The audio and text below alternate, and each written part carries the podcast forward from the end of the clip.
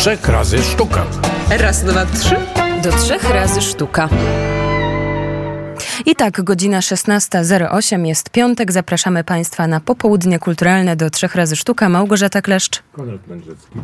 I nasze studio wypełnione gośćmi. Dzisiaj dużo, dużo tematów, tych muzycznych, tych tanecznych i nie tylko. Z nami w studiu pani Agnieszka Szymańska-Kierlandczyk, pedagog tańca, wykładowca akademicki, choreograf, prowadzi zajęcia taneczne i uczestniczyła pani w pierwszym składzie Fasolek z 1983 roku. Dobry wieczór. Dobry wieczór, ależ to zabrzmiało. No właśnie, w, ubiegłym stuleciu byłam w fasolkach.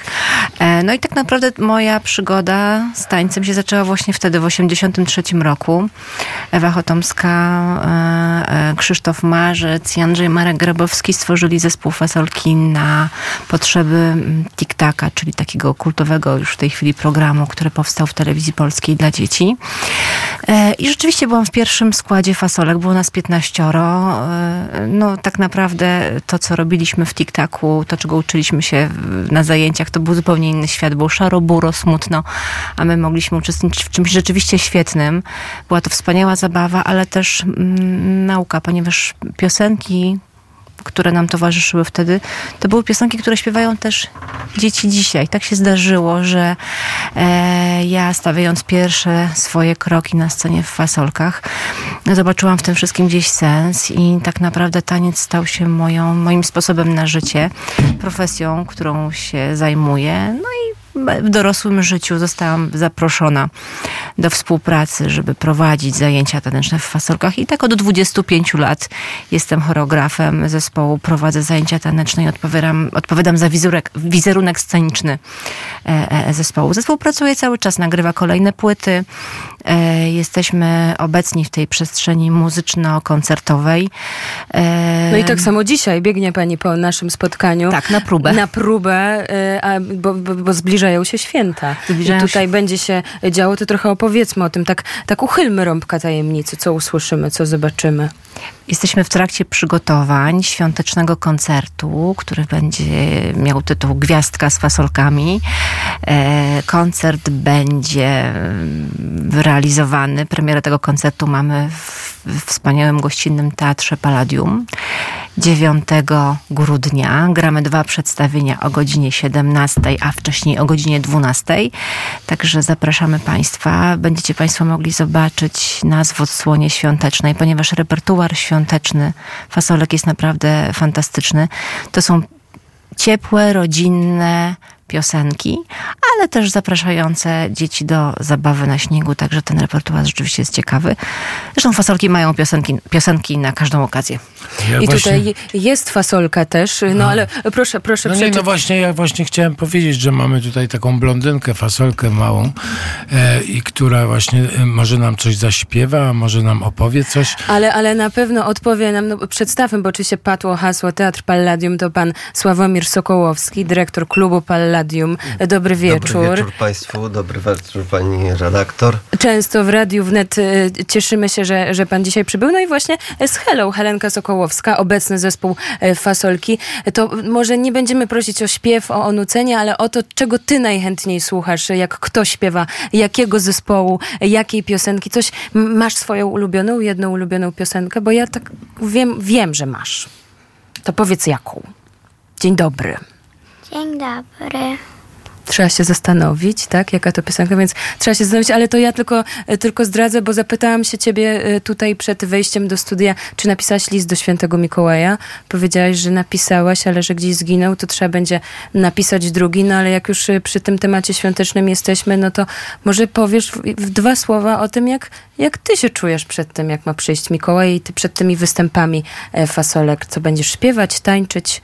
Opowiesz nam trochę? Będę śpiewała dwie piosenki, wcale, wcale doskonale i nie dla pingwina. Wcale, wcale doskonale. Świetnie. Świe A którą wolisz? Nie dla pingwina. I to jest ta ulubiona? Nie. To jaka jest ulubiona? Hmm. Um. Jeszcze trzeba się zastanowić, no bo dużo jest oczywiście No właśnie. e, W piosenek. Dla mnie- repertuarze mamy ponad tysiąc No, piosenek, więc jest w czym wybierać. No Dla, właśnie. no, dla mnie dżdżownica jazz to jest, no, to jest w ogóle po prostu absolutna rewelacja, chciałem powiedzieć.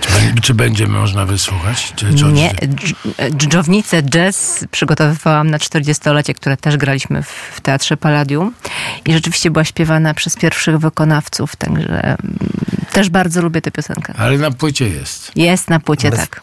Teatr e, Palladium i, i Fundacja Uniwersytetu Warsowienzis e, współpracuje z fasolkami od 10 lat. Właśnie z okazji 30-lecia pierwszy raz się poznaliśmy i e, ta współpraca wzajemna się bardzo dobrze układa. A potem jeszcze 5 albo 4 lata temu przyszła Helenka, że chce śpiewać w fasolkach, ponieważ e, mama Helenki uwielbia fasolki i była wychowana na fasolkach, jak ka- ka- każda 30-letnia obecnie dziewczyna. E, No, paro, dobrze. E, I, i, I w tym momencie po prostu jesteśmy mega szczęśliwi, że będą u nas. No i szczególnie, że to jest też robione dla dzieci i dla całej społeczności fasolkowej, która ze sobą się spotyka co parę lat. Na koncert pewnie za, za, za 4,5 roku będzie kolejny koncert z okazji 45-lecia. Natomiast takie właśnie spotkania świąteczne, całe rodziny zapraszamy. Y, Bilety są niedrogie, 30 40, y, 59 i 69 zł kosztują y, do nabycia y, na stronach palladiumart.pl albo Teatr Palladium. Y, Także proszę, y, zapraszamy do współpracy. No i godziny są też super, bo taki przedobiadowa y, pierwszy koncert. 12 y, i 12. No i to jest super prezent na Mikołajki dla, dla, dla wzajemnie, żeby sobie coś jak takiego już, jak już się kupić. znajdzie taki prezent w buciku, na przykład przy łóżku, jak już te Dokładnie. Mikołajki małe czy elfy przyniosą, przyniosą, przyniosą, bo tutaj Hela tak się, tak się krzywi, a mi przynoszą co roku. To później może takim e, jeszcze dopełnieniem tego prezentu właśnie gwiazdka z e, fasolkami. Przypomnijmy adres, e, to złota 7 przez Dziewięć. 9 i te dwie godziny 12 i 17. A jak ktoś jest taką fasolką, taką e, jeszcze taką nienależącą e, do tych fasolek, to i chciałby być, to co? To zapraszamy e, We wrześniu. we wrześniu, a właściwie już w czerwcu e, na przesłuchania. To będzie ogłoszone na e, stronie Domu Kultury, ponieważ siedzibą zespołu jest Młodzieżowy Dom Kultury przy ulicy Łazienkowskiej i tam właśnie spotykamy się z dziećmi, które chcą należeć do fasolek. Robimy przesłuchania, e, sprawdzamy, czy dzieci mają słuch muzyczny, czy e, mają poczucie rytmu, a resztę już nauczymy. Ja chciałam powiedzieć, że zajęcia prowadzi ze mną pani Natalia Dymarska, e, znakomita harfistka, nauczycielka śpiewu. To z nią od tych dwudziestu kilku lat pracuję i to ona e, uczy dzieci dykcji, emisji głosu, śpiewu i naprawdę robi to fantastycznie. I jeszcze z nami pracuje Zuzia Chruścikowska, która jest wychowanicą zespołu. E, zaczynała właśnie w Fasolkach też swoją przygodę ze sceną. Teraz jest instruktorem tańca, ale też studiuje polonistykę na Uniwersytecie Warszawskim.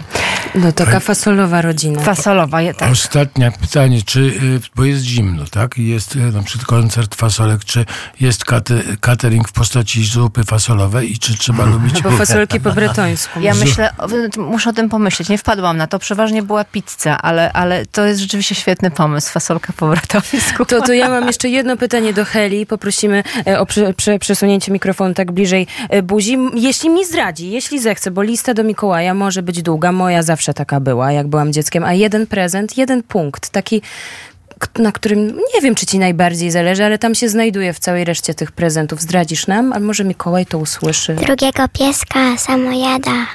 Drogi Mikołaju, bo słucha Radia Wnet, ja tak kojarzę i też wchodzi na stronę patronite.pl, ukośnik Radio Wnet, święty Mikołaj, tak wiem. No to drugi piesek, a jeden już jest, redaktor. tak? Żeby nie był, żeby, proszę mi wybaczyć.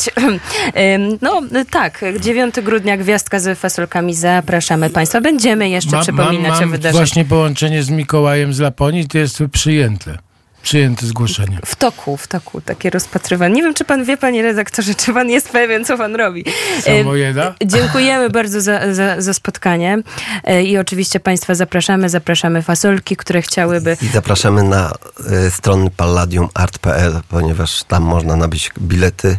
Ponieważ, jak wiecie, słyszeliście Państwo, że to właśnie siedziba w domu, Śródmiejskim Domu Kultury, gdzie wynagrodzenie i wszystko jest po prostu symboliczne i to trzeba powiedzieć, że to są ludzie pasjonaci, kochający to, co robią i takie współczesnymi judymi, tak, y, którzy y, y, tą pasją obdarzają dzieci, y, którym przekazują po prostu to, co nabyły. To po prostu jest piękne. Naprawdę jestem zafascynowany tą społecznością fasolkową, dlatego tak miło mi, że mogę wspomagać, y, bo widzę w tym sens i, i rozwój. No i też już y, wielu adeptów fasolek s- są studentami albo absolwentami Uniwersytetu Warszawskiego, naszej alma mater, którą Fun- Fundacja Uniwersytetu Warsowiezis ma w celach statutowych. No właśnie, bo zespół Fasolki to od 1983 roku działa i nadal działa prężnie e, cały czas. Dziękujemy bardzo za spotkanie. Pani Agnieszka Szymańska-Kierlandczyk, pedagog Dziękuję tańca, bardzo. wykładowca akademicki, choreograf. Helenka Sokołowska z obecnego zespołu Fasolki. Bardzo dziękujemy. Dziękuję. Tak, i Sławomir Sokołowski, dyrektor klubu Palladium. Do zobaczenia. Do zobaczenia Państwu. Bardzo serdecznie Państwu dziękuję No i nic innego jak gościnę. ten utwór teraz musi polecieć w Radiu Wnet. Fasolki, moja fantazja. No i właśnie, przedwczoraj byliśmy na niesamowitym e, wernisażu. Fantastyczna wystawa. Jeśli zamilkniesz, kamienie wołać będą. Wszystko to dzieje się na ulicy Mińskiej 65 na warszawskiej Pradze, na Kamionku dokładnie. No i wielu artystów i jeden z artystów, którzy tam wystawiają, no w pewnym sensie spiritus movens do, w dużej mierze tej wystawy. Michał Bogucki jest z nami. Witamy serdecznie. Witam pięknie. No właśnie, zacznijmy może od tego, co się działo 40 lat temu. Może od wystawy w Kościele na Żytniej, bo to jest w pewnym sensie kontynuacja. Tak, to jest początek i wystawa pod tytułem Znak Krzyża na Żytniej. e, W kościele na Żytniej w takim stanie, jaki on był wtedy, bo teraz jest niestety już ładnie wytynkowany. e, Była pierwszą wystawą, którą mój ojciec Janusz Bogucki organizował po stanie wojennym, kiedy artyści nie chcieli występować w oficjalnych e, przestrzeniach, e, a mieli dużo do powiedzenia. E, I tu się jakby odbija echem nazwa naszej wystawy. Jeśli zamilkniesz, kamienie wołać będą. Mam nadzieję, że wszyscy Państwo wiedzą, z czego to jest cytat z, której, z którego fragmentu Ewangelii to jest cytat, wjazd do Jerozolimy. I ta wystawa zebrała kilkudziesięciu najwybitniejszych wtedy artystów. I była ona e, niesłychanie ważnym wydarzeniem, również ważnym dla strony przeciwnej, czyli tam byliśmy szeroko i obficie obserwowani przez agentów SB. Ja do dzisiaj pamiętam te twarze. E, Ta wystawa potem miała kontynuację. Przez 10 lat mój ojciec zrobił pa- 18 wystaw. E, Najpierw z moją mamą, potem ze swoją drugą żoną Niną Smolasz. I te wystawy, oczywiście już jak czas troszeczkę się uspokoił, to się przeniosły do Zachęty, na Zamek Królewski w Warszawie, do Muzeum Etnograficznego. E, Były takim bardzo ważnym doświadczeniem e, w polskiej tradycji mm, artystycznej, w, w, w dziele tych artystów, którzy brali w tym udział, a e, naliczyliśmy ich ponad 50. No było wydarzenie, gdzie było 1200 artystów, ale tam były chóry, teatry i to jakby napędziło ilość. No to był taki czas, kiedy właśnie kościoły no, były świątyniami sztuki w sensu stricte wtedy także, no nie tylko świątyniami, no zresztą sztuka i, i jakby to jest miejsce dla sztuki, kościół przecież zawsze był, no ale to był specjalny czas, specjalny, no w pewnym sensie.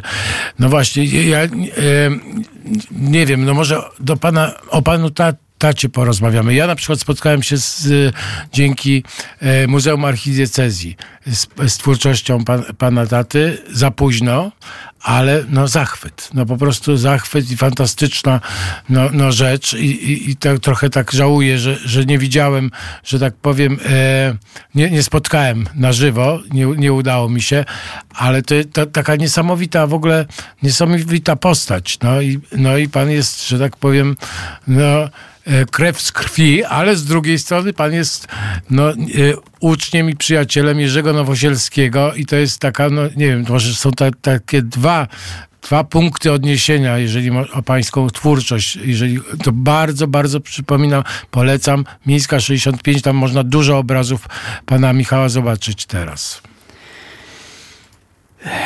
Pięć temu minęło 28 lat od śmierci mego ojca.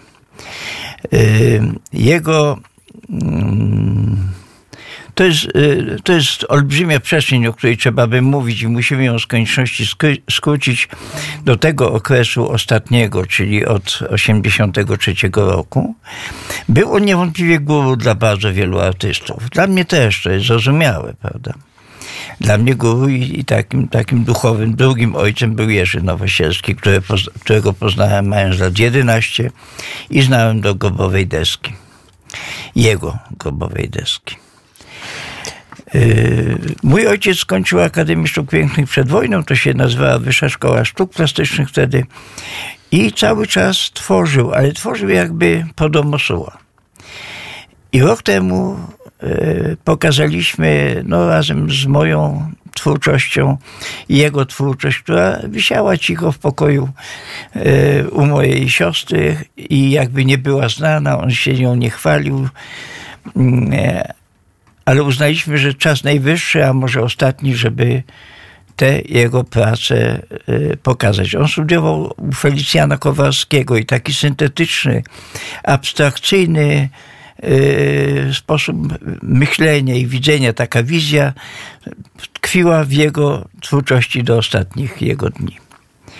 Ja chcę teraz y, od razu przejść do wystawy no właśnie, na Mińskiej, żebyśmy... Pięciu artystów i to na nie byle jakich powiedzmy tak, i tak, to tak. No po prostu same... Po pierwsze chcę powiedzieć, że y, no dzisiaj nieobecna tutaj kurator tej wystawy moja żona Łada Dunin-Gostowska-Bogucka była taką duszą, która napędziła e, projekt e, jakby od początku, bo to przecież nad takim projektem pracuje się co najmniej rok. E, w to brała w tym udział i no i doprowadziła go szczęśliwie do końca.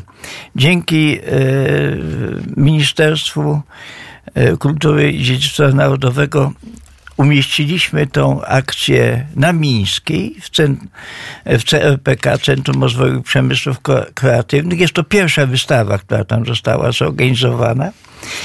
E, to centrum zajmuje się wieloraką działalnością, ale również wystawami. To była pierwsza inaugurująca. Wystawa, jak powiedział ksiądz biskup e, Michał Janocha w tekście do tej wystawy, jest przestrzenią sześciu kolejnych zdziwień. Nawet zdumień chyba. Zdumień, może lepiej, lepiej to ujął, zdumień. Otóż zaczyna to e, asystent mego ojca, potem jego następca na katedrze w Toruniu, Wiesław Smużny. Swoim e, bardzo intymnym, ale zarazem mocnym wejściem, mocną realizacją w takim namiocie, namiot, trochę sakrum, trochę, trochę dom, e, w którym są kamienie opisane na złotymi literami, nazwiskami, imionami artystów. Komemoracja artystów. Nazywa się to czasowość i ponadczasowość sztuki, pozaczasowość sztuki. No, stwierdziliśmy, że dwie trzecie z tych artystów już odpłynęło na zielone łąki. Już nie ma wśród nas, ale trochę jeszcze istnieje. I wśród tych, którzy istnieją, następną postacią jest Jerzy Kalina. Nie trzeba go reklamować, znana e, i wielka postać polskiej sztuki. E, on zrobił stół wigilijny, stół, który nawiązuje do naszych licznych rozmów z tamtych lat, o których mówiliśmy, kiedy mój ojciec organizował takie właśnie spotkania, najpierw w Laskach, potem w innych miejscach, gdzie artyści się zbierali i rozmawiali przy stole. I taki stół Państwo tam zobaczą, serdecznie zapraszam. Następne dwie przestrzenie zrobiłem ja. Eee, I pierwsza to jest pasja Jerzego Nowosielskiego. Pasja w sensie męki, tak jak męka Chrystusowa. Prawda? Eee, teraz wszyscy wspominają eee, Jerzego Nowosielskiego ładnie, sentymentalnie, sympatycznie, no taka wielka postać i, i, i mądry człowiek, ale jakby pomijają pewną dziedzinę jego doświadczeń duchowych, którą można powiedzieć e, przeżywał szczególnie. A była to kwestia dramatu człowieka w stworzonym świecie, dramatu człowieka jako elementu istotnego, może ważnego, najważniejszego stworzenia, do reszty stworzenia, do przyrody, do świata zwierząt, do świata aniołów, do świata demonów również.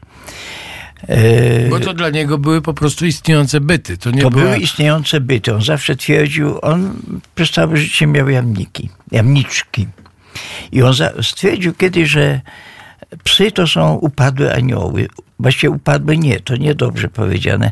Anioły w stanie kenozy, bo upadłe anioły to są demony. A każdy byt przeżywa swoją kenozę.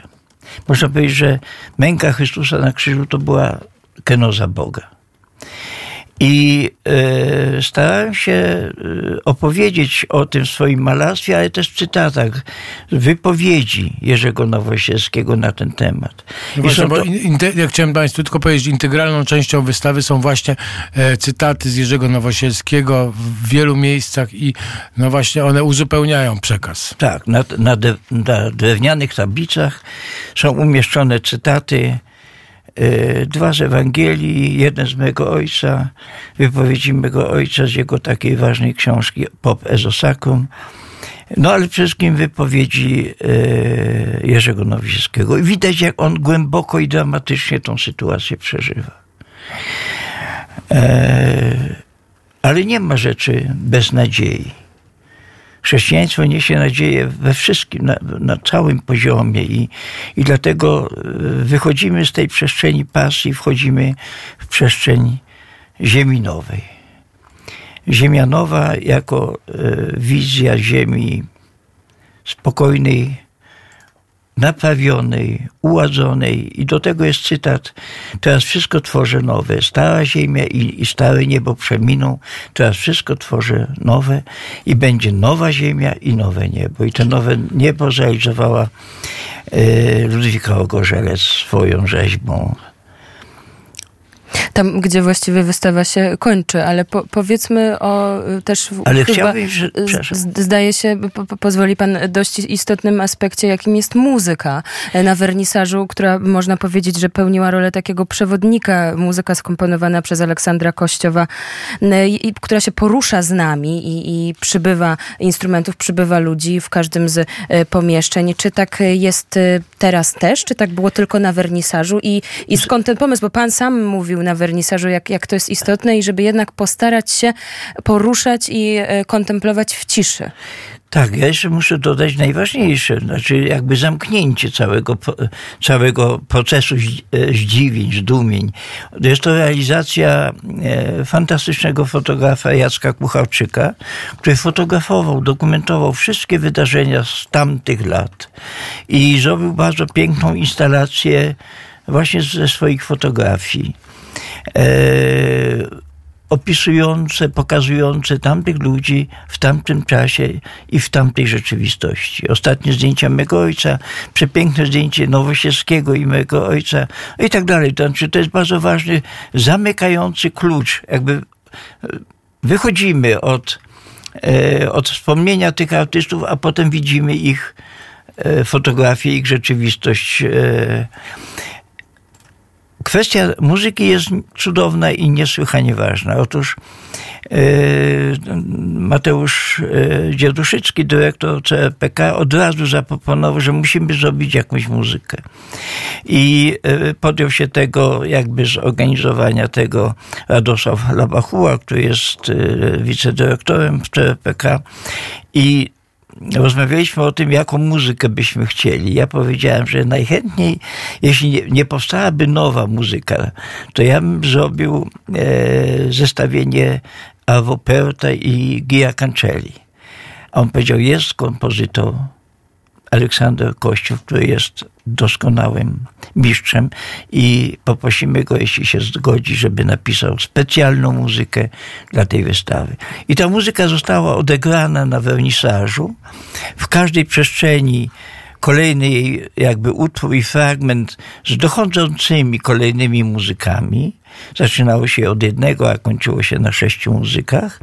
I ta muzyka po zakończeniu, znaczy wybrzmiała na festiwal, na wernisażu, a w tej chwili funkcjonuje cały czas.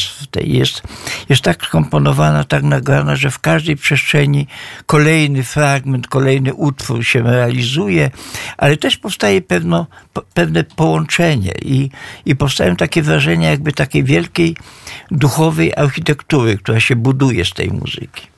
Więc rzeczywiście mm, uważam, że, że mamy doskonałego kompozytora w Polsce, Aleksandra Kościoła. A, a jak pan rozumie te słowa y, Chrystusa z Ewangelii Łukasza, jeśli, które jednocześnie są tytułem wystawy? Jeśli zamilkniesz, kamienie wołać będą. Chrystus wjeżdża do Jerozolimy. Jego uczniowie i tłumy wiwatują na jego wejście, na jego pojawienie się, nareszcie oczekiwanego króla. A faryzeusze mówią mu, wy, niech oni zamilkną, bo bałagan się dzieje, zło robią. A Chrystus na to mówi, jeśli oni zamilkną, kamienie wołać będą. I to się odnosi do artystów przede wszystkim. Jeśli artyści zamilkną i nie będą świadczyć o prawdzie, to, to, co jest ich głównym obowiązkiem jakby życiowym. Ale w życiu swoim codziennym czy w sztuce? I w życiu, ale przede wszystkim w sztuce. No, za, za życie każdy odpowiada sam i ja nie, nie, nie ingeruję w życie moich kolegów artystów. Daj Boże, żeby wszystko im było jak najlepiej, ale w sztuce, oni w sztuce jakby mają duchowy obowiązek świadczenia o prawdzie.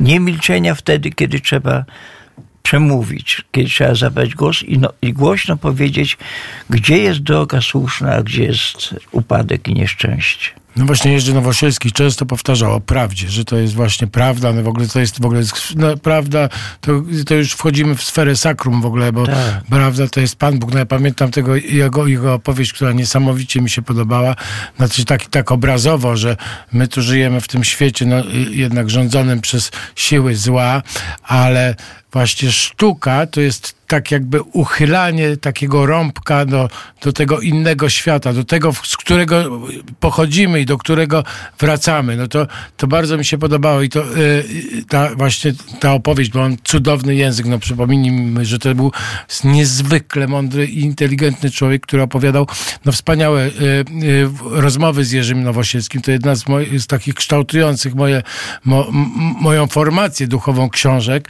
gdzie on opowiadał właśnie o tych zwierzętach, też o tym, że właśnie to są byty subtelne, że no, to, to, ale to jest kolejny temat, który moglibyśmy, że tak powiem, powtarzać i powtarzać. W każdym razie na Mińską bardzo wszystkich zapraszamy, 65, teraz na razie jest miesiąc ta wystawa, ale może, może będzie dłużej. Y, serdecznie zapraszamy na Mińską. Serdecznie dziękujemy wszystkim Ministerstwu Kultury i Dziedzictwa Narodowego, które dało środki na to, ale dała, dało też ogień, żeby to zrobić. Skierowało nas na Mińską. W związku z tym naprawdę chcę podziękować wyjątkowo serdecznie wszystkim ludziom pracującym i, i dyrektorom i, i pracującym w CRPK którzy z sercem podeszli do tego. Nie mogę nie wspomnieć o Fundacji KGHM, które dołożyło swoje bardzo poważny element darowizny do całego projektu. No i, e, i podziękować własnej żonie za to, że pilnowała i pilnowała, że malował obrazy dobre. No żonie to zawsze trzeba, bo później bura jest. To, jest, to był taki piękny moment, jak malowałem obrazy w pracowni szkicowej i wysyłałem. Ona mówi, nie, to jest niedobre. A moja córka mówi, tata, namalaj obraz w gamie molowej. No i stąd powstały czarne obrazy, które są ważnym elementem pierwszej części tej wystawy. A państwa córka też miała swój y, udział w tym wszystkim. Moja córka y, robiła tą najgorszą, straszną robotę, czyli po, porządkowała, y, robiła całe opracowania y, no, komputerowe i, i, dbała o to, żeby, żebyśmy dopełniali własnych obowiązków. Także y, no, jest taką, taką ważną pomocą kuratorską, czy współpracą kuratorską. Więc rzeczywiście zasługi Maria Magdalena ma olbrzymie. To bardzo jej dziękujemy też. Korzystając z okazji, bo dzisiaj już e, chyba nie, na pewno nie mamy czasu, a to e, ta rozmowa myślę, że otworzyła nam e, też pewien problem dość istotny, na którym nawet tutaj z redaktorem Mędrzeckim ostatnio dużo się zastanawiamy. Ja bym to ubrała w, w słowa, jak bardzo fakty z życia artysty i taki jego codzienny żywot rzutować powinny na jego twórczość i to, jak, jak, jak ją odbieramy. Mówimy tutaj o tym, że ważne jest, żeby Chrystus mówi, że jeśli zamilkniecie, to kamienie wołać będą i że ważna jest ta twórczość, ważna jest ta sztuka, a ja się tak zastanawiam i może niech to na razie zostanie pytaniem bez odpowiedzi, czy to jednak nie to nasze życie codzienne, postępowanie, to jak traktujemy ludzi po prostu na ulicy przypadkowych i tak dalej jest, jest, jest właściwie czymś, co, na czym Bogu najbardziej zależy.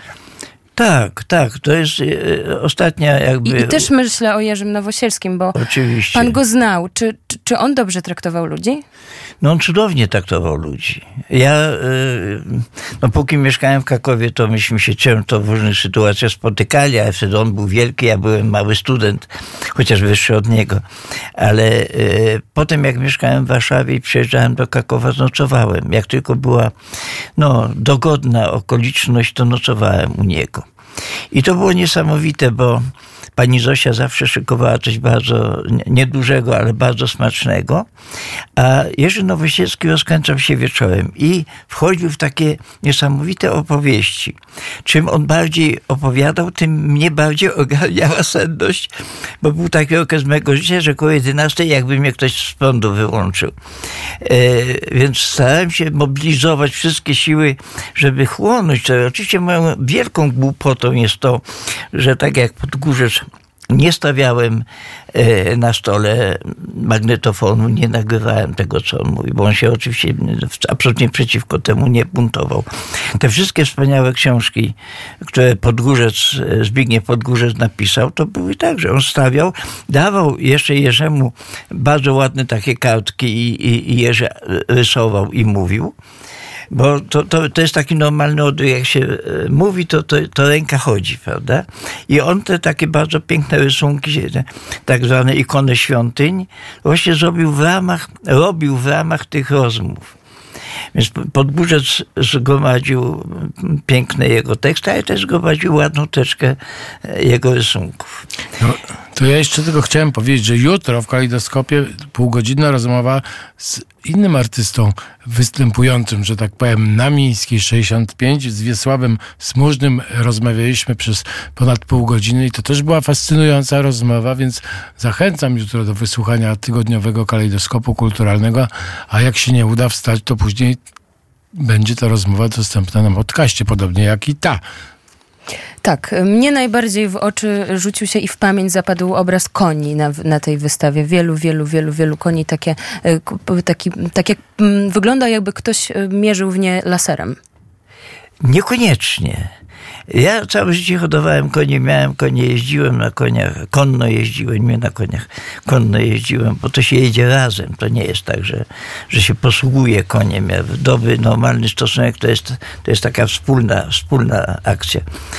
Y, to, jest, to się nazywa pastwisko i to jest dla mnie takie pastwisko o świcie, to ja pamiętam z różnych okresów swojego życia, konie bardzo lubiły wcześniej rano wychodzić, moje konie były otwarte, mogły wychodzić zawsze, wychodziły sobie na pastwisko i wśród mgły, wśród takiego jasnego e, światła wschodzącego dnia pasły się, ale e, to nie jest laser w wszystkich tych postaciach, bo to są ludzie i zwierzęta, jest jakby takie światło w sercu i światło w głowie. To znaczy dusza i duch. Zwierzęta czują, mają ducha w sobie i duszę w sobie. I te dwa światła w każdym z nich, w głowie i w sercu, pokazuje tą rzeczywistość.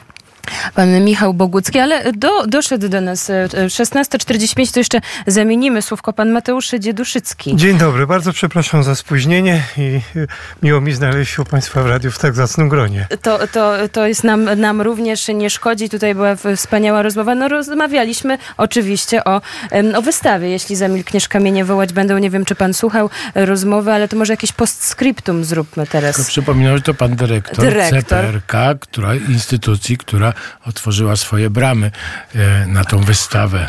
Centrum Rozwoju Przemysłów Kreatywnych, tak, e, które jest e, całe szczęśliwe, że akurat zaczęło tak naprawdę swoją działalność od e, tej wystawy, działalność w tej sferze sztuk pięknych, ponieważ dotychczas zajmowaliśmy się takimi sprawami jak gry wideo, jak game dev.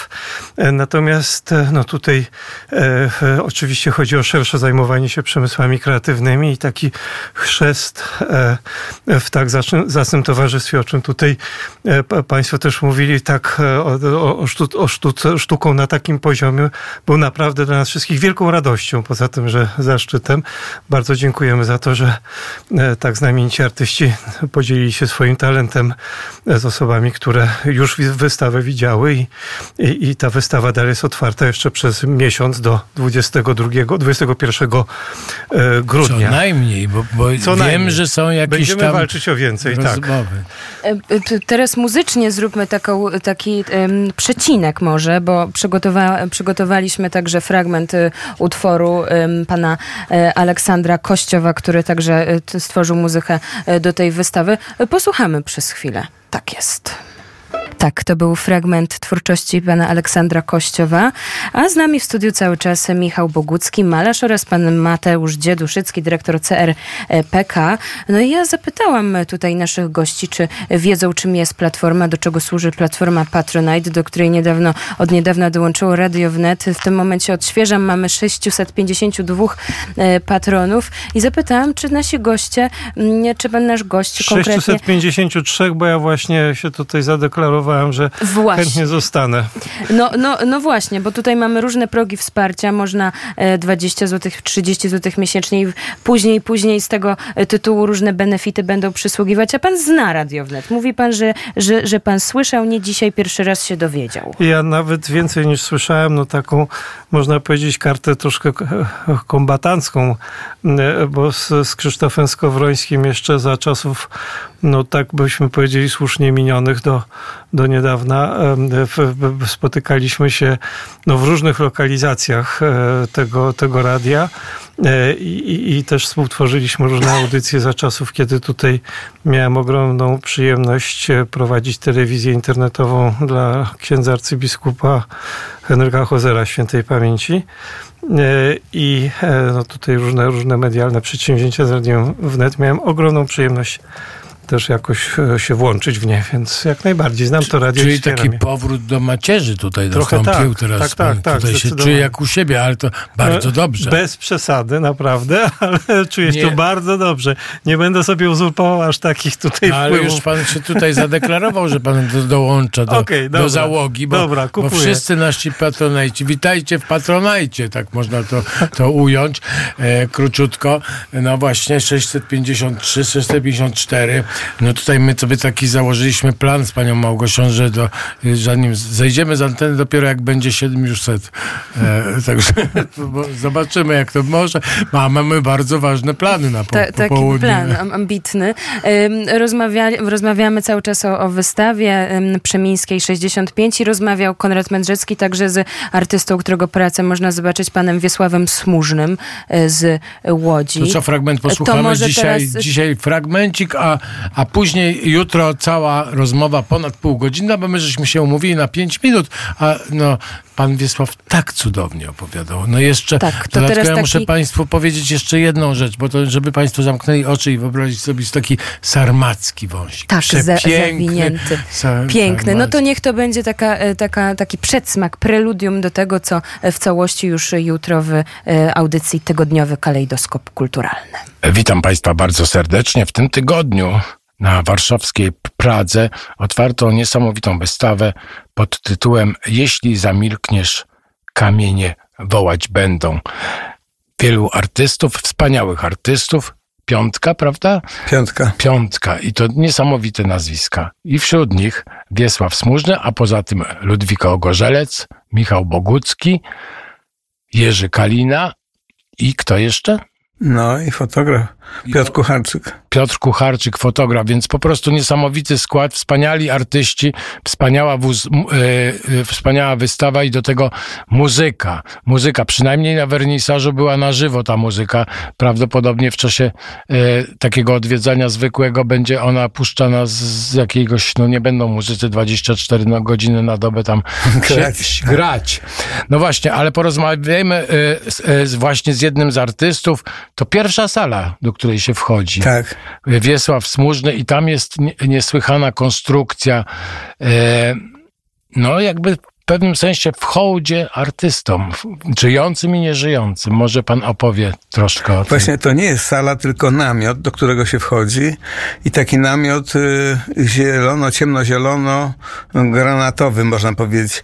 On y, z tego względu ma dwie barwy, że część tych autorów jeszcze żyje, a część, no niestety już właściwie y, odeszli z tego świata. To są autorzy bardzo ważni, bardzo wybitni. Ja kiedy pisałem nazwiska ich na tych kamieniach, no bo jestem realizatorem tej części wystawy, miałem dużą tremę i dobierałem tak płaszczyzny y, gładkie, po których dało się pisać, by one wystarczały na długość nazwiska, na y, długość imię, imienia. Bo to są takie kamienie. Bardzo różne kamienie i każdy kamień jest bardzo różny. Także y, w swojej budowie. Mało tego, to są kamienie... W wielkości też się, różnią się wielkością. wielkością też. się różnią, no, z tego względu, że akurat te były do, dostępne. To są kamienie y, z Morza Połudn- Południowego, z Morza Śródziemnego albo z Egejów. A więc takie otoczaki, to są duże głazy, niekiedy odłamy, ale no, przez y, całe y, stulecia chyba toczone przez wodę i wygładzone. One wszystkie mają okrągłości i rzadko y, który ma kanciastości. Ja dobierałem te kamienie, y, ich kształty y, do nazwisk, do autorów, y, których y, y, twórczość w większości znam. To znaczy tam paru autorów jakby mniej e, zorientowanych, ale no tych największych, najwybitniejszych, po prostu takich, którzy stanowią sztukę polską e, tamtych lat, no i właściwie ponad tamte lata właśnie, bo na tym polega e, ta wystawa, na tym polega to założenie ideowe tej wystawy, że autorów no już nie ma, oni zamilkli, ale po prostu ich twórczość to jest właśnie takie milowe kamienie. Nie wiem, nie wiem czy milowe, w każdym razie kamienie, które po prostu są zróżnicowane, y, są bardzo piękne, no i odnoszą się do tej przeszłości kultury, a więc tej kultury łacińskiej, tego Morza Śródziemnego. Y, To jest bardzo ważne, że one stamtąd pochodzą. To nie są kamienie z Nadbałtyku, tylko właśnie są ściągnięte stamtąd. I teraz ym, dobierałem nazwiska, na, na kam- kamienie do nazwisk, y, biorąc pod uwagę y, y, kształt twórczości, tak jak sobie tą twórczość zapamiętałem.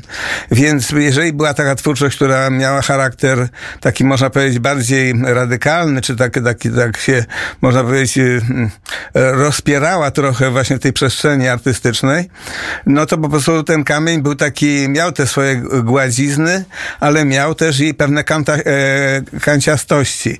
Miał pewne takie wgniecenia, w związku z tym, że e, no, na przykład hasior, na którego ludzie walili jak na kiepurę, tak to było powiedzenie e, Janusza Boguckiego, mojego profesora i mojego, mm, no takiego profesora, ojca właściwie e, tego bytu. E, Więc Janusz Bogucki mówił o to, że ludzie na hasiora mm, pędzą mm, no, jak na kiepura, więc po prostu był niezwykle popularny w tamtym czasie, najbardziej popularny. Nie było innego artysty najbardziej popularnego, on dlatego ma taki duży kamień, ale ma taki kamień, który ja pamiętam jeszcze z wystawy, jeszcze wówczas było Muzeum Śląskie we Wrocławiu albo Muzeum Narodowe, ono, ono trochę awansowało w tamtym czasie, jak e, ta wystawa e, bulwersowała po prostu i tam wpisy czytałem w, w książce, no, w- wystawa Hasiora. E, Władysława Hasiora. Także e, jego kamień ma te takie wygładzizny, ale ma też i kanciastości pewne. E, No podobnie może z, z kamieniem Kantora. Kan, kantora kamień, Tadeusza Kantora kamień jest trochę mniejszy, no ale też właśnie jakby działał tak w sposób prowokacyjny, bardzo prowokacyjny. Mało tego, on w środowisku artystycznym, no można powiedzieć, bardzo prowokował i z wieloma sądami się nie zgadzał. Był takim artystą bardzo niezależnym. A więc te kamienie, ich wielkość, ich kształt, ich kolor, bo tam są przynajmniej dwa takie zróżnicowania. E, Są takie ka- kamienie, które mają kolor e, takiego e, wyblakłego różu indyjskiego, takie róże. One są dużo otoczakowate i na przykład Ninie Smolarz taki kamień, bo ba- bardzo miękka, to jest osoba niesamowicie szlachetna była Nina, przy Januszu, który otrzymał największy kamień, Januszu Boguckim, a więc moim profesorze i właściwie e, takim twórcy, e, twórcy tego środowiska, tego środowiska artystów, bo e, no, e, właściwie poza jedną osobą wszyscy ci artyści, którzy tam są, a więc 49 nazwisk, brali udział w takiej największej e, przeglądowej wystawie, chyba no, na- nazwały, nazwana była pod koniec XX wieku. To były drogi, tradycje, osobliwości życia duchowego w Polsce pod koniec XX wieku. E, Epitafium i Siedem Przestrzeni to była taka pierwsza część tego tytułu, tej wystawy w Zachęcie, a druga część tego tytułu była właśnie drogi, tradycje, osobliwości życia duchowego w Polsce pod koniec XX wieku. I tak, godzina 17.06 to druga godzina popołudnia, ale chciałoby się wręcz, wręcz rzec, ciężko to wymówić, jeszcze raz powiem szybko, wręcz rzec, że to wieczór. Już ciemno, tutaj taki klimat w Radiu Wnet też nastał, e, także można powiedzieć, że to druga godzina kulturalnego e, wieczoru. I dużo muzyki przed nami. 24 listopada jest dzisiaj, 91. rocznica byłaby urodzin Andrzeja Kurylewicza. Urodził się w 1932. Pianista, puzonista, trębacz oraz dyrygent. Zmarł 12 kwietnia 2007 roku w wieku 74 lat, a kojarzymy jego twórczość głównie z e, filmów polskich i seriali. E, redaktor Mędrzecki tak wybałusza oczy, patrzy na mnie i coś, coś mamy... Nie, do- ja wybałuszam oczy, bo już mamy 656 patronów, bo tutaj kontroluję sytuację i jestem zachwycony. Czyli to było takie dziękuję. pozytywne wybałuszenie To są- oczu, Oczywiście. A, a nie obiekcja. Dobrze, to, nie, to, no to się cieszę. że nie obiekcja. No to nie, nie, nie, nie obiekcja. Ja nie, ja jestem nieobiektywny. 656 e, patronów. E, Dziękujemy Państwu e, bardzo za to. Tych, którzy jeszcze nie wsparli, a chcieliby, mogliby, to bardzo, bardzo do tego zachęcamy. Patronite.pl ukośnik radiownet. I tak jak się rzekło, słuchamy utworów Andrzeja Kurylewicza i właśnie kiedyś tak tworzył z Wandą Warską. No właśnie, proszę Państwa, już za godzinę i 50 minut rozpoczyna się y, ponowna, że tak powiem, e, ponowne przedstawienie Fausta e, na, w Operze Nowej w Bydgoszczy. Dwa lata temu były ostatnie przedstawienia. Teraz wraca na scenę Opery Nowej w Bydgoszczy Faust. Rewelacyjna opera. Na e, fundamencie, że tak powiem, historii opisanej między innymi przez e, Goethego. No i tam jedną z ważniejszych postaci to jest Małgosia, która tutaj właśnie siedzi i ona e, bardzo miała tam różne przygody w, Oj w tak, tym Faustie. ale dobrze skończyła. Dobrze Bardzo dobrze do skończyła. nieba poszła dziewczyna, po prostu poszła, chociaż tam ogoniasty próbował ją, że tak powiem, Próbował. tutaj w dół sprowadzić. Tak. Pani tak sobie myśli o tej Małgosi Faustowskiej czasami? Myślę Jako- sobie jako o tej i myślę sobie o tej Bułhakowej też Małgosi z Mistrza i Małgorzaty, że tam te, te bohaterki faktycznie takie mocne te Małgorzaty, ale o tej Faustowej myślę i też przez moją pamięć przywija się to trochę cytatów e, z, z tego dzieła.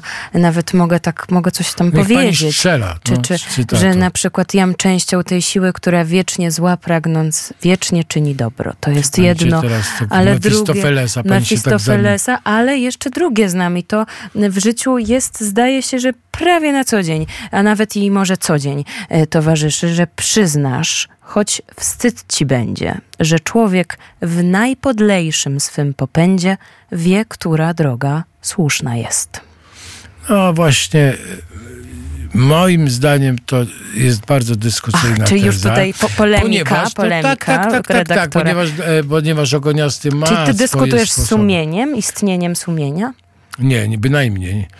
E, Chodzi o to, że człowiek czasami jest przekonany, że idzie dobrą drogą, a później okazuje się, że idzie złą drogą. Że został, że tak powiem, wystawiony do wiatru przez okoliczności, przez na przykład właśnie takie postacie ogoniaste, które e, udają, że chcą to dla, dla ciebie dobrze, a tak naprawdę nie chcą dla ciebie dobrze, ale wmawiają ci, wydaje ci się, że chcesz dobrze i to jest wszystko i to wraca, wraca. No. Ale to jest to kuszenie zewnętrzne, ta pokusa z zewnątrz, a chodzi o to wewnątrz, że zawsze masz taki głos, takie coś takiego, co ci mówi, że to jest dobre albo złe, tylko czasami to bardzo ignorujesz.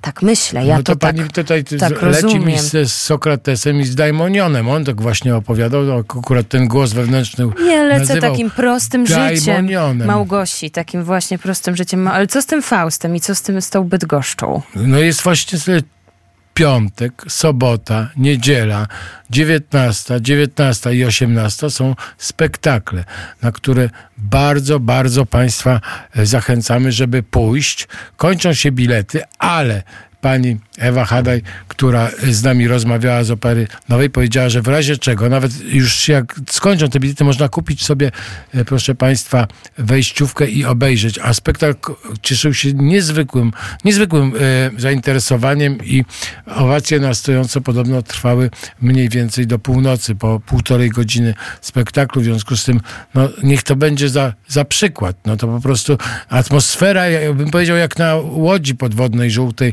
e, ra, radosna, taka podskakująca i hura, pomimo, że temat trudny przecież, no ale to nie znaczy, że to wszystko się tak miesza prze- przepięknie, jak muzyka, na przykład z malarstwem, tak jak przed chwilą Michał Bogucki opowiadał. To się mieszają rzeczy i, i Małgosie się y, mie- mieszają też z innymi postaciami z literatury, na przykład y, z Zdarza Tereską. się, zdarza, zdarza się Cześć, tak. Tereska. i, I Konrad rozmawiał właśnie o tym wydarzeniu, które już dzisiaj w Bydgoszczy. Posłuchamy, co on tam o co pytał. Witam Państwa. y, Nie, nie, jeszcze raz. Y, Dobra. A teraz łączymy się, proszę Państwa, z panią Ewą Hałat, specjalista do spraw reklamy w Operze Nowej w Bydgoszczy. I proszę Państwa, no sytuacja jest niesamowita, bo wraca na, na, na deski Opery Nowej Faust. No czasy diabelskie być może nadchodzą y, i to jak najbardziej aktualne. No nie wiem, czy aż tak. W każdym bądź razie Faust tak po kilkumiesięcznej przerwie pojawia się znowu. Trzeba wspomnieć, że w ubiegłym miesiącu, zdaje się, minęła 130. rocznica śmierci kompozytora Charlesa Gounoda, a sama opera po raz drugi w 67-letniej historii bydgoskiej sceny operowej została zrealizowana w zeszłym roku y, w reżyserii Pawła Szutaka. Cieszy się spektakl wielkim powodzeniem, zasłużonym dodajmy. Najbliższa okazja e, obejrzenia tej opery to piątek, sobota, niedziela, 24, 25, 26 listopada w Bydgoszczy. Zostało niewiele biletów, e, ale zachęcamy. Wejściówki zawsze są w sprzedaży. To teraz porozmawiajmy o obsadzie, bo to bardzo ważne zawsze. Tak, e, w roli tytułowej występować będzie Nazary Kaczala, nasz solista, laureat niedawno zakończonego bydgoskiego festiwalu konkursu, przepraszam, konkursu wokalnego imienia Paprockiego. E, to była edycja sprzed dwóch lat. E, I wykonywać e, będzie na zmianę tę rolę z Szymonem Roną. Natomiast w partii Małgorzaty, czyli głównej bohaterki, występować będzie pani Julia Pruszak-Kowalewska na zmianę z panią, z panią Agnieszką Adamczak. Jeszcze no, trzeba wspomnieć o właśnie roli Mefista, którą kreować będą soliści nasi Janusz Żak i Łukasz Jakubczak. Oczywiście basy. Pani ulubiona postać z tej opery? Chyba Małgorzata. No Małgorzata, no to tak właśnie. w sztuce mhm. Goethego też Małgorzata ukochana, uratowana na końcu też jest tak, uratowana tak. właśnie z, z przedpiekla, że tak powiem, w ostatnim momencie. Ale też, też niesamowita jest historia, bo to jest y, y, ta akcja opery dzieje się E, w czasie I wojny światowej. To jest taka instytucja. To znaczy tak, e, tak postanowił reżyser, e, tak u nas to zostało zainscenizowane, tak oddane również w scenografii, w kostiumach. No i ma to rzeczywiście, przynajmniej w momencie premiery miało to bardzo aktualny wydźwięk i nawiązanie do sytuacji za naszą wschodnią granicą, prawda? Do wojny. No generalnie akcja jakby pierwszego aktu jest usytuowana jakby na wielkim dworcu kolejowym, przez który przetaczają się tłumy ludzi z rozmaitych stron świata świata. No, czyli jak w Przemyślu właśnie na początku e, e, inwazji rosyjskiej na Ukrainę, to, to tak e, sobie przypominamy te sceny od tak, razu. Tak, tak, tak, było to zapowiadane. Mhm. No właśnie, no to a co jeszcze w ogóle w Operze Nowej pani poleciła poza Faustem? Fausta, teraz będą trzy spektakle, piątek. Ostatnia pozycja w repertuarze. Z kolei grudzień rozpoczynamy spektaklami baletowymi dla dzieci.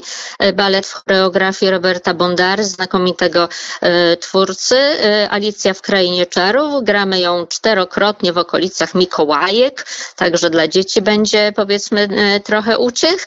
Później opera komiczna Gaetana Donizettiego Napój Miłosny, a już po świętach do 1 stycznia gramy 8 koncertów sylwestrowo-noworocznych. Można powiedzieć, że to jest nasza specjalna produkcja, która co roku jest wyczekiwana przez melomanów i przez no, takich, którzy do opery nie chodzą na, na co dzień w sezonie, ale na te koncerty każdy chce się dostać. Są to rzeczywiście wyjątkowe produkcje robione z wielkim rozmachem. Tak jak wspomniałam, wystawiamy je, wystawiamy je po osiem razy, więc y, gramy rzadko, ale naprawdę warto to zobaczyć. Edycje są niepowtarzalne od lat. No właśnie, no to będzie taki moment na zastanowienie właśnie z Faustem, z Mefistofelesem, z wielkim dramatem, że tak powiem, ludzkości, a później już będzie troszkę e, przyjemniej, weselej i tak świątecznie i sylwestrowo, więc... E, no, oby tak. Oby tak. Także bardzo, bardzo się, się, się cieszymy z tego powodu. Zapraszamy wszystkich. Strona Opery Nowej w Bydgoszczy. No, kto nie zapamięta, może wejść, sobie przypomnieć. Przypominam, że bilety jeszcze są na Fausta, a jak nie będzie biletów, to wejściówka jest. Do, to jest bardzo ważna rzecz, że można przyjść i wejść i obejrzeć spektakl, nawet jeżeli y, tak formalnie biletów nie ma. To jest bardzo istotna informacja. Więc... To znaczy, wejściówkę należy nabyć, ale wtedy rzeczywiście okazja do zobaczenia spektaklu jest. Właśnie o tym mówię. Głównie o, o bo to jest najważniejsze. No, generalnie rzecz biorąc, nie jeden spektakl i i operowy oglądałem, że tak powiem, e, właśnie na wejściówkę i, i to były wielkie, wielkie przyjemne. Czasami też muszę zdradzić Państwu taki sekret, że e, są takie VIP-owskie miejsca i VIPy, VIPy nie przychodzą, e, chociaż mają zarezerwowany bilet i można na wejściówkę usiąść w najlepszym miejscu. Ale to Otóż to. Po, po, drugim dzwonku dopiero, ale tak bywa. Bardzo Pani dziękuję. Pozdrawiamy serdecznie i ciepło, ciepło, no bo zima przyszła troszeczkę. I wszystkiego dobrego i do zobaczenia. Jak będziemy w Bydgoszczy, to się natychmiast zgłaszamy do Opery Nowej. Dziękuję bardzo. Zapraszamy oczywiście, zapraszamy. Naszym gościem była pani Ewa Hałat, specjalista do spraw promocji, do spraw reklamy w Operze Nowej w Bydgoszczy. Dziękuję. Dziękuję bardzo. Zapraszamy oczywiście, zapraszamy. I tak my również zapraszamy. To był krótki przystanek w Bydgoszczy. Jest godzina 17.20. To teraz chwila muzyki, utwór wybrany przez redaktora Konrada Mędrzyckiego. Nina Simone, My Baby Just Cares For Me. To album z 1959 roku. Słuchamy i za chwilę wracamy do pewnej jubilatki. No właśnie, proszę Państwa, chciałem powiedzieć, że nasza łódź podwodna ma taką możliwość rozszerzania się wzdłuż i wszerz. Generalnie rzecz biorąc, w związku z tym załoga może być ogromna. Właśnie y, liczymy na tak 100 tysięcy, 200 tysięcy, może pół miliona. Bardzo prosimy. Na razie jest 657 osób na liczniku. No i to nas bardzo cieszy w różnych rangach, że tak powiem, marynarze nasi tutaj funkcjonują. Są admirałowie, bosmani, bosmanki e, i kontradmirałowie. E, jest troszkę majtków, to ja jestem majtkiem tutaj najlepszym i w związku z powyższym, no tak e, e jest dobrze, ale może być jeszcze lepiej. Zapraszamy do załogi. I tak. w związku z tym jest taka strona patronate wnet, Kro, kropka.pl ukośnik radio wnet. bez tak. kropki, z Ona kropką, brzmi. ale Dokładnie. Można, Odświeżamy, bo może coś tutaj się zmieniło. Nie, wciąż sześć- 657, ale liczymy, że za chwilę może nastąpi jakaś zmiana. Państwo, którzy już zostali tą częścią Radia Wnet, częścią naszej właśnie łodzi podwodnej, za to serdecznie dziękujemy. Godzina 17.26 to ostatnie 34 minuty dzisiejszego e, popołudnia. Jest 24 listopada, a 24 listopada także tylko w 1908, w 1891 roku w Krakowie przyszła na świat Maria Pawlikowska-Jasnorzewska z Kossaków. Zmarła 9 lipca 1945 roku w Manchesterze. Była poetką i dramatopisarką. To teraz jeden z jej wierszy przeczytany przez Magdalenę Woźniak usłyszymy na antenie Radia Wnet. Na niebotycznym modrzewiu, modrzewiu o lekkich włosach, który się w światła zarzewiu kołysze i w złotych rosach. Wisi ptaszęce gniazdko, gniazdko, skorupka orzecha, domek. Nad drzwiami strzecha, strzecha ze słońca gwiazdką. Wysoko, wysoko, wyżej, wyżej niż sięgnie drabina, niż człowiek sam się wspina. Czerni się domek w mgle ryżej. Z wierzchołkiem cofa się, stoi, wraca, kołuje w niebiosach, w niebiosach, skąd blask się roi i plącze w modrzewia włosach. Był modrzew rosą opity, nie wiedząc po co i czemu, włożono ciężar młodemu i wyniósł ciężar w błękity. Tam, tam wysoko na drzewie, w poszumach zamieszkać chcę. Chcę w mym żałosnym gniewie pod złoto skryć się i rdzę. I w domku, pod chmur koroną, przekrzywić na bok głowę, głowę zatulnie wtuloną w piórka czerwone i płowe, i płowe i nic nie żądać, lecz w bezpieczeństwie głębokiem głupio, o głupio spoglądać na ziemię w dół jednym okiem. I tak, wspaniały wiersz przeczytany przez Magdalenę Woźniak, za co bardzo serdecznie dziękujemy. Takie e, przypomnienie tej wspaniałej poetki. Pan lubił, panie redaktorze, Marię Pawlikowską-Jasnorską? Czy lubi czytać? Dosyć, ale innych poetów preferuję, że tak powiem. Tak bym powiedział. Teraz e, e, Chaucera preferuję. Bardzo dobra opowieść o rycerzu. Bardzo Państwu polecam w ramach, e, mówię to w ramach kącika starożytnych książek, bo to wspaniała opowieść właśnie z czasów, z czasów rzymskich, ale pisana w średniowiecznej Anglii. Bardzo piękna książka, notabene przetłumaczona z angielskiego przez Przemysława Mroczkowskiego, przyjaciela Tolkiena. A dlaczego o tym mówię? Dlatego że kolejna Tolkieniada już w poniedziałek i będziemy opowiadać o terapeutycznych właściwościach czytania Tolkiena. Ach, czyli ta literatura jako taka e, terapia. No wspaniale. Zapraszamy Państwa tak właśnie popołudnie kulturalne w poniedziałek, tak samo jak w piątek od godziny 16 do godziny 18. Trwa ostatnie dwa dni festiwalu Eufonię. No właśnie i będzie można dzisiaj e, się wybrać na godzinę 19.30 do miejsca, które się nazywa Mała Warszawa. To jest Otwocka 14 i tam, proszę Państwa, będzie e, taka opowieść szlakiem Karpat, proszę Państwa. Będą tańce karpackie, Śląsk Cieszyński i różne inne takie ludowe e, akcenty. Bardzo Państwa zachęcamy. Wszystkie koncerty, na których byliśmy, bo nie, nie na wszystkie mogliśmy pójść, bo było ich wiele, ale na wszystkie, na których byliśmy w ramach festiwalu Eufonie, zachwyciły nas. No wczorajsza po prostu, no to było takie unoszenie się pod kopułą kościoła ewangelickiego Świętej Trójcy. To wszyscy żeśmy się tutaj z redakcji, bo całą grupą wielką się i nawet ta Małgorzatka Faustowska nie za pomocą, że tak powiem, czarów Mefistofelesa, ale za pomocą muzyki się uniosła i takiej niebiańskiej muzyki uniosła się na, pod sufit i tak, tak, tak tańczyła, tańczyła, ponieważ y, ci śpiewający chórzyści z Armenii także tańczyli, chociaż śpiewali. Tańczyli i śpiewali, tańczyli tak, i śpiewali. Unosiliśmy się. Wszyscy jesteśmy e, tą trójcą, tą, tym trio, które, w którym wczoraj także e, przysłuchiwaliśmy się temu wspaniałemu koncertowi. Z nami Justyna Miguła, która e, chyba się też wybierze na koncert zamknięcia Krzysztofa Pendereckiego jutrznie w Kościele Wszystkich Świętych. Tak czy nie? Czy jeszcze się zastanawiasz? Tak, oczywiście. Myślę, że to nawet warto. Dzień dobry. Witam Państwa. Dobry wieczór właściwie. Witam Państwa serdecznie serdecznie. Tak zdarza się czasami, że tutaj wpadam do mm, kolegów, e, ponieważ mamy tutaj bardzo przyjemną, kulturalną atmosferę. E, tak, byliśmy wczoraj rzeczywiście na, mm, na koncercie. Ormiański chór wykonywał dzieła churalne bardzo różnych kompozytorów i rzeczywiście mieliśmy tam przegląd takich bardzo różnych e, epok również. I ja oczywiście, Małgorzato, się wybieram na, na, na ten koncert jutrznie.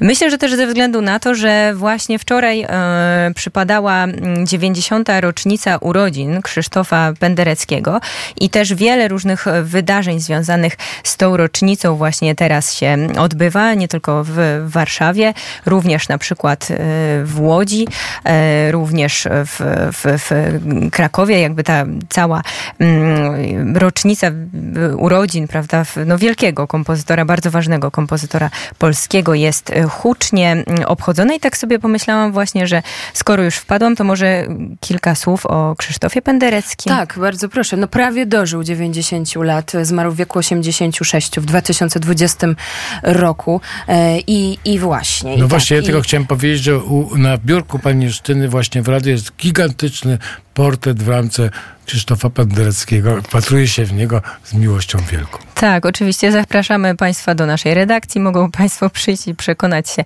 że to nie jest prawda, ale nie będę opowiadać, co wisi nad biurkiem redaktora Konrada Mędrzyckiego, bo to trzeba e, zobaczyć. E, a tutaj ja sobie też pomyślałam, właśnie zaczęliśmy od e, tego koncertu ormiańskiego chóru. Wyobraźcie sobie, że Krzysztof Penderecki też miał ormiańskie korzenie, ponieważ jego babcia była właśnie ormianką, pochodzącą wprawdzie z Iwano-Frankiwska, tak, z dzisiejszych terenów Ukrainy, ale jednak e, była Ormianką i ten taki tygiel kulturowy, w którym wyrastał, jest też słyszalny w jego utworach, ponieważ urodził się w Dębicy, w miasteczku, który głównie zamieszkiwali Hasydzi. E, I znowu też właśnie ta muzyka, którą możemy nazwać e, klezmerska, klezmerską, gdzieś mm, też się później pojawiła. Ale co ciekawe, y, zaczął y, Penderecki od fortepianu, y, ale nie chciał grać na tym fortepianie. Tak naprawdę zdecydował się na bycie muzykiem dopiero kiedy zobaczył skrzypce, więc ja tutaj jako skrzypaczka też bardzo dobrze go rozumiem, ponieważ wydobycie dźwięku ze skrzypiec jest e, dużo trudniejsze niż wydobycie dźwięku mm, z e, fortepianu i to go właśnie zainteresowało. To, że w skrzypcach e, jakby te dźwięki nie są ustalone, czyli trzeba rzeczywiście, jest, jest ta możliwość fałszowania, prawda, co gdzieś później też w jego utworach się mm, pojawia. No i studiował w Krakowie, w Państwowej Wyższej Szkole Muzycznej. Studiował oczywiście mm, kompozycję i tak właściwie później tam został asystentem, zaczął robić karierę akademicką.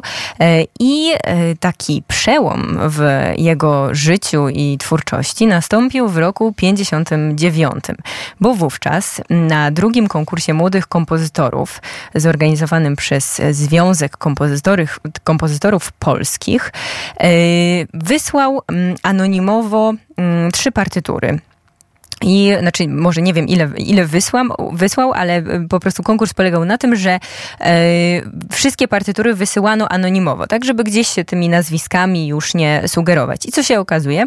Okazuje się, że pierwszą, drugą i trzecią nagrodę właśnie zdobywają utwory Krzysztofa mm, e, Pendereckiego. Były to strofy, emanacje i mm, e, psalmy Dawida. No i właśnie wtedy e, można powiedzieć, że ta kariera mm, Krzysztofa Pendereckiego ruszyła ruszyła z kopyta, aczkolwiek wydaje mi się, że chyba dużo bardziej znany Krzysztof Penderecki stał się po takim flagowym swoim utworze, czyli po trenie, tren ofiarą Hiroshimy. Nie wiem, panie redaktorze Konradzie, czy pan zna tren ofiarą Hiroshimy? Może? Słyszałem, tak, ale dobrze jeszcze nie pamiętam. Jeszcze może ja posłuchamy, bo to Mamy... zapada, zapada w pamięć. E, a ja taki zrobię może, może wstęp właśnie do, do e, tego utworu. W 60 roku go Krzysztof Penderecki mm, napisał i też e, dostał nagrody na tutaj krajowych konkursach, ale on nie nazywał się tak od początku. On po prostu nazywał się 837. Czyli właśnie tak naprawdę to był czas trwania tego, tego utworu ale ktoś, tam są różne wersje też tych e, opowieści, ktoś podpowiedział e, właśnie Pendereckiemu, że zanim wyślę e, na konkurs zagraniczny tenże, tenże utwór, to może warto jednak zmienić nazwę. I właśnie pojawiła się ta nazwa ofiarą Hiroshimy i to zupełnie zmienia odbiór, ponieważ właśnie tam słychać ten krzyk, ten krzyk, który jest wykonywany przez 52 instrumenty smyczkowe, wyłącznie smyczkowe.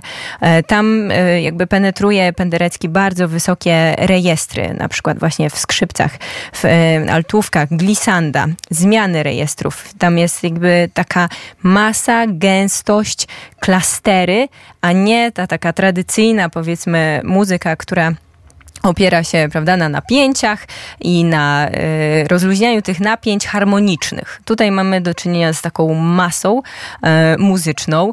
Y, Niektórzy mówią, że nie jest to utwór do słuchania, tak? Y, no to zależy też od tego właśnie, to zaraz zapytamy słuchaczy, czy jest to utwór do słuchania y, i wy może też powiecie, czy, czy dobrze się tego słucha, ale na pewno właśnie to sprawiło, że ten tytuł również tak mm, troszeczkę marketingowo zagrał tutaj i, i sprawił, że, że Krzysztof Penderecki y, zyskał ogromną sławę, zyskał wiele nagród za, za tę kompozycję. To była zupełna nowość i pamiętajmy, że to był też taki ciekawy czas właśnie w muzyce, w ogóle w kulturze polskiej, lata 60., więc taka e, odwilż e, i, i, i wówczas e, właśnie ci młodzi kompozytorzy, ten nowy, jakiś taki świeży powiew, szukanie awangardy mm, było jak najbardziej obecne i, i, i przynosiło wspaniałe rezultaty. Ja tu pozwolę sobie jeszcze taki monolog tutaj wygłaszać. A może, a może, a może, a może posłuchajmy, bo to jest to może ten, ten moment, nie, nie, nie 8,57 mhm. dosłownie. Nie, myślę, że to minuta, to a, chyba ale, tak wystarczy minutę, nam może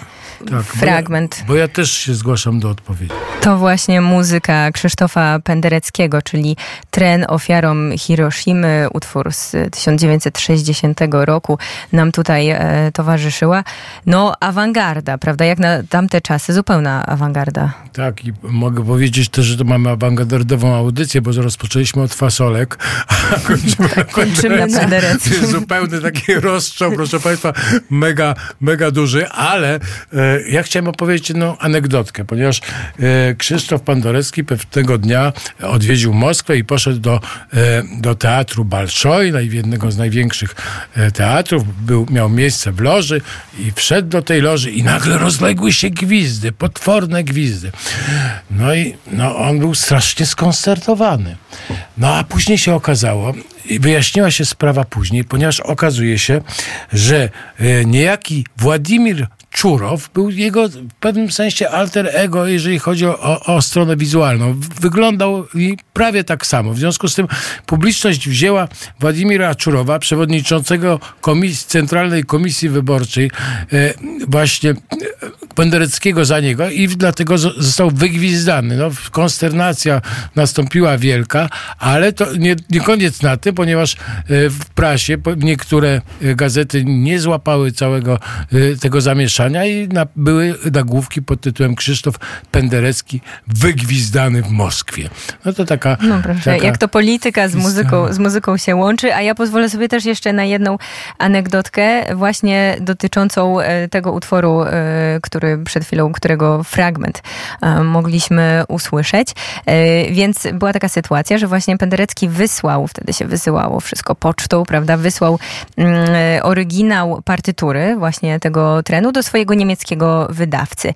No i ten oryginał w ogóle nie doszedł. List nie doszedł, e, zaginął i co się okazało, że służby celne właśnie przejęły ten list, myśląc, że są tam jakieś e, tajne e, informacje zakodowane. Także, także on gdzieś zaginął i co ciekawe właśnie, Penderecki miał tylko ten oryginał. Czyli nie miał kopii i wszystko odtworzył z pamięci. Więc kiedy oryginał się znalazł, porównał to, co odtworzył, prawda, z tym właśnie oryginałem i okazało się, że niczego nie pominął, że były identyczne. No, geniusz, geniusz, geniusz. I też e, mnie przynajmniej się też otwiera e, taki... A jeszcze nie było Bilo Bilo wtedy na rynku. Nie było, nie było. Dobrze pan redaktor zauważył.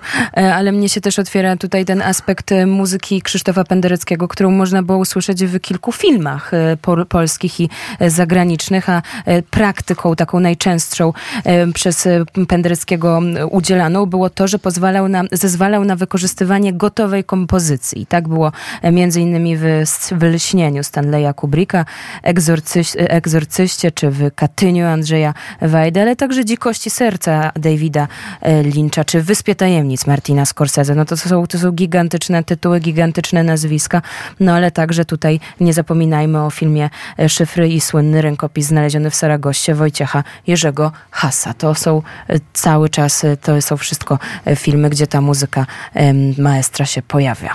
I no. w tym lśnieniu właśnie pojawia się ten utwór, który słyszeliśmy. Czyli w ogóle wtedy, kiedy jest groźnie tak, i coś nam e, Jack jakieś Ni Nicholson e, wyprawia swoje, swoje rzeczy. Tak, e, to jest, tak, to pasuje. To jest dokładnie ten, ten film. 17.43.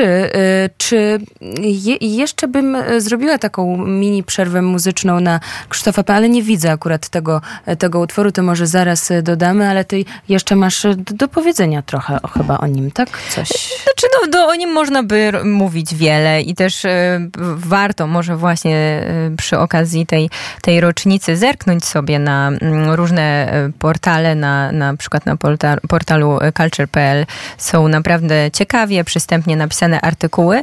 Tutaj może warto jeszcze powiedzieć, użyć takiego jednego muzykologicznego słowa, sonoryzm. Czy może wiecie, z czym wam się kojarzy sonoryzm? Sonoryzm, Sono. z, z czym mi się Sonoryzm kojarzy? To jest mi, mi, takie zamiłowanie do produktów firmy Sony.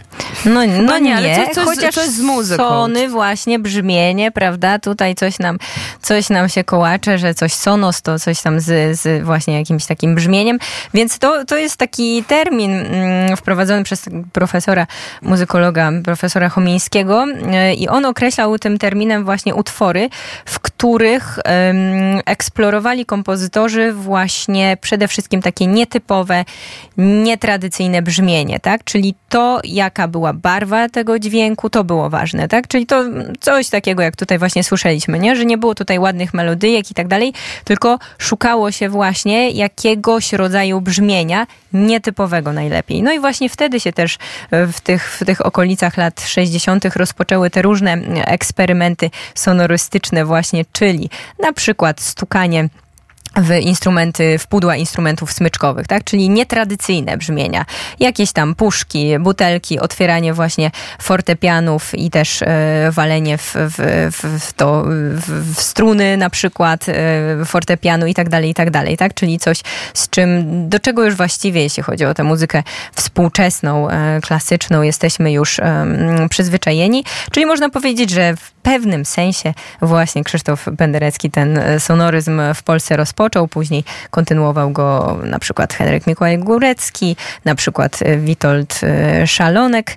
Mm, No, no i tak, tak to ta historia A właśnie. ten sonoryzm, to jeszcze chciałem tutaj wyjść słowo, bo to bardzo ważna sprawa, bo on ma takie pewne konotacje włoskie, tak?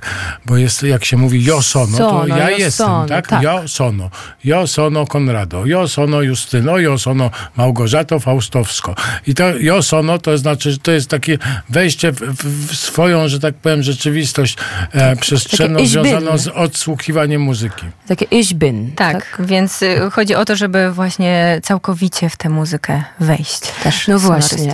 E, Wyjdziemy teraz, no bo jesteśmy przy muzyce filmowej. Mówiliśmy także o Andrzeju Korylewiczu.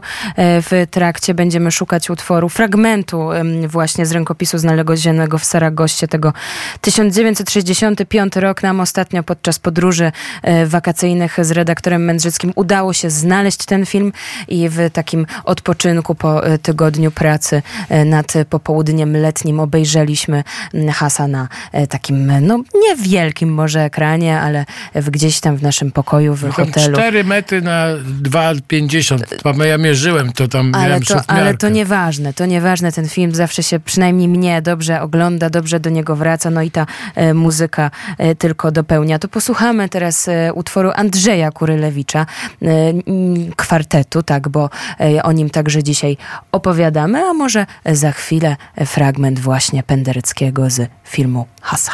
Andrzej Kurylewicz, Munrej, kwartet, no i właśnie zdaje się, że to taka muzyka idealna na takie piątkowe popołudnie, prawie wieczór.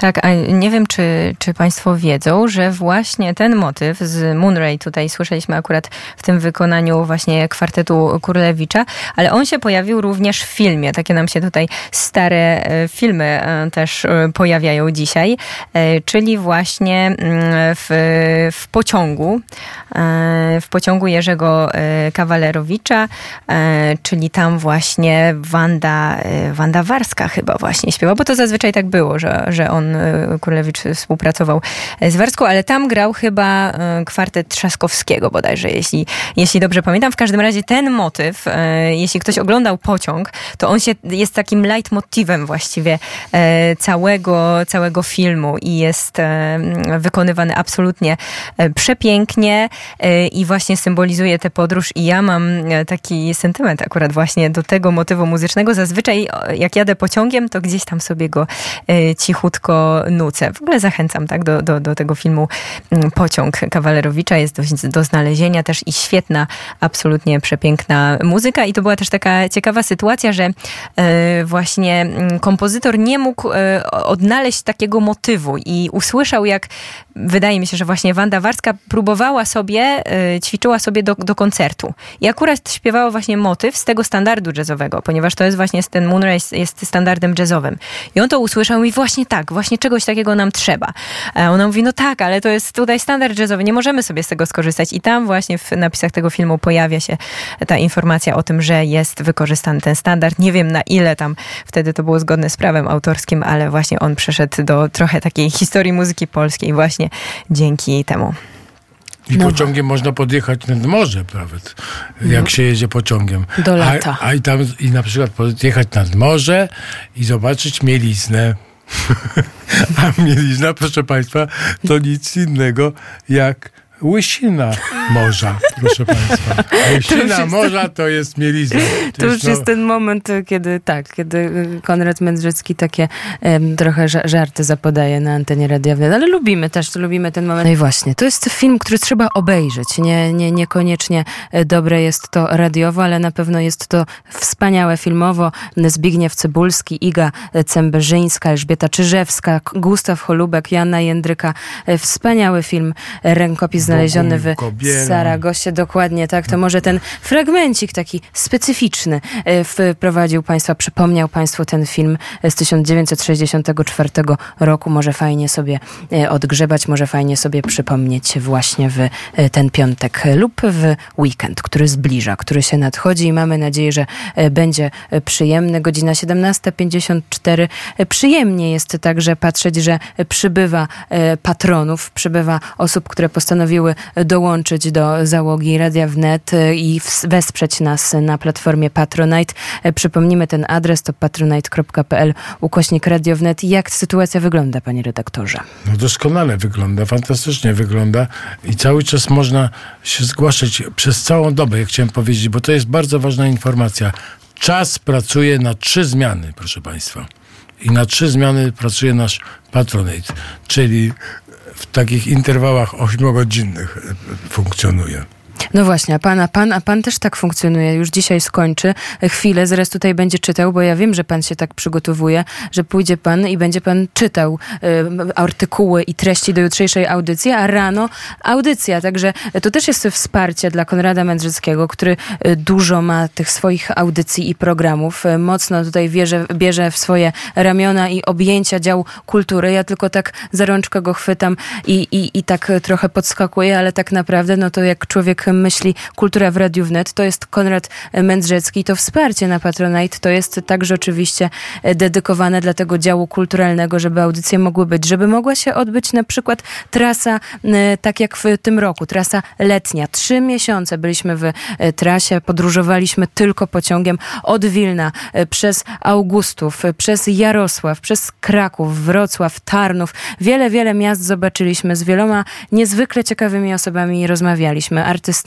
muzykami, zwykłymi No i nawet ludźmi. łysinę morza widzieliśmy. Widzieliśmy łysinę morza, nawet i więcej w e, Międzyzdrojach, e, także mamy nadzieję, że, że, że to się uda zrobić, że będzie reaktywacja e, takiej podróży w latem 2024 roku, że wtedy już dobijemy, no, dobijemy do takiego porządnego wyniku, ale wszystkim z Państwa, którzy wspierają nas już teraz i postanowili... 658 to jest taka 658, cyferka. tak, Teraz jest to- to 658 bardzo- osób tutaj się mieści na naszym pokładzie w tym momencie, ale przypominam, mamy e, elastyczne ściany rozszerzające się w górę i w dół. Dużo jest też peryskopów, bardzo dobrze. Jeden mamy taki najlepszy peryskop, proszę Państwa, na świecie w ogóle. Mamy najlepszy peryskop na świecie, który się nazywa Balkon Radia Wnet i kto zostanie patronem może odwiedzić najpiękniejszy, e, najpiękniejszy peryskop będący balkonem. Widać, jesteśmy w samym środku sna takiego pana, który się nazywał Canaletto i malował Warszawę i my jesteśmy w samym środku właśnie jego snu. Możemy oglądać, proszę Państwa, Warszawę właśnie z tego snu. No niech sobie Państwo to wyobrażą, a każdy patron tutaj po prostu jest zaproszony nieprawdopodobnie serdecznie. Kawki są robione, nawet są piruety robione przez różne redaktorki z radości, bo one po prostu nawet to nie jest, to nie jest, nie wygląda to nawet tak, że one są jakoś, e, że tak powiem, zobligowane do tego. One same z siebie, po prostu z tego serca, A z tego daimoniona, który nie tam... wierzą, to proszę się przekonać. Krakowskie Przedmieście 79. 17, Ale kto tutaj 50, siedział tam? 17, No, kto tam jest? ale ty to widziałeś. A jeszcze przedstawiam wszystkich. Małgosia Kleszczy, Justyna Miguła, Konrad Mędrzecki i zrealizował nas wspaniały Janek Langa. Za to, za co bardzo serdecznie e, dziękujemy. Zapraszam jutro już 100 od, lat. A, od 8 rano, tygodniowy kalejdoskop kulturalny w objęciach Konrada Mędrzeckiego. Na koniec jeszcze Aurora. Do usłyszenia. to trzech razy sztuka. Raz, dwa, trzy. Do trzech razy sztuka.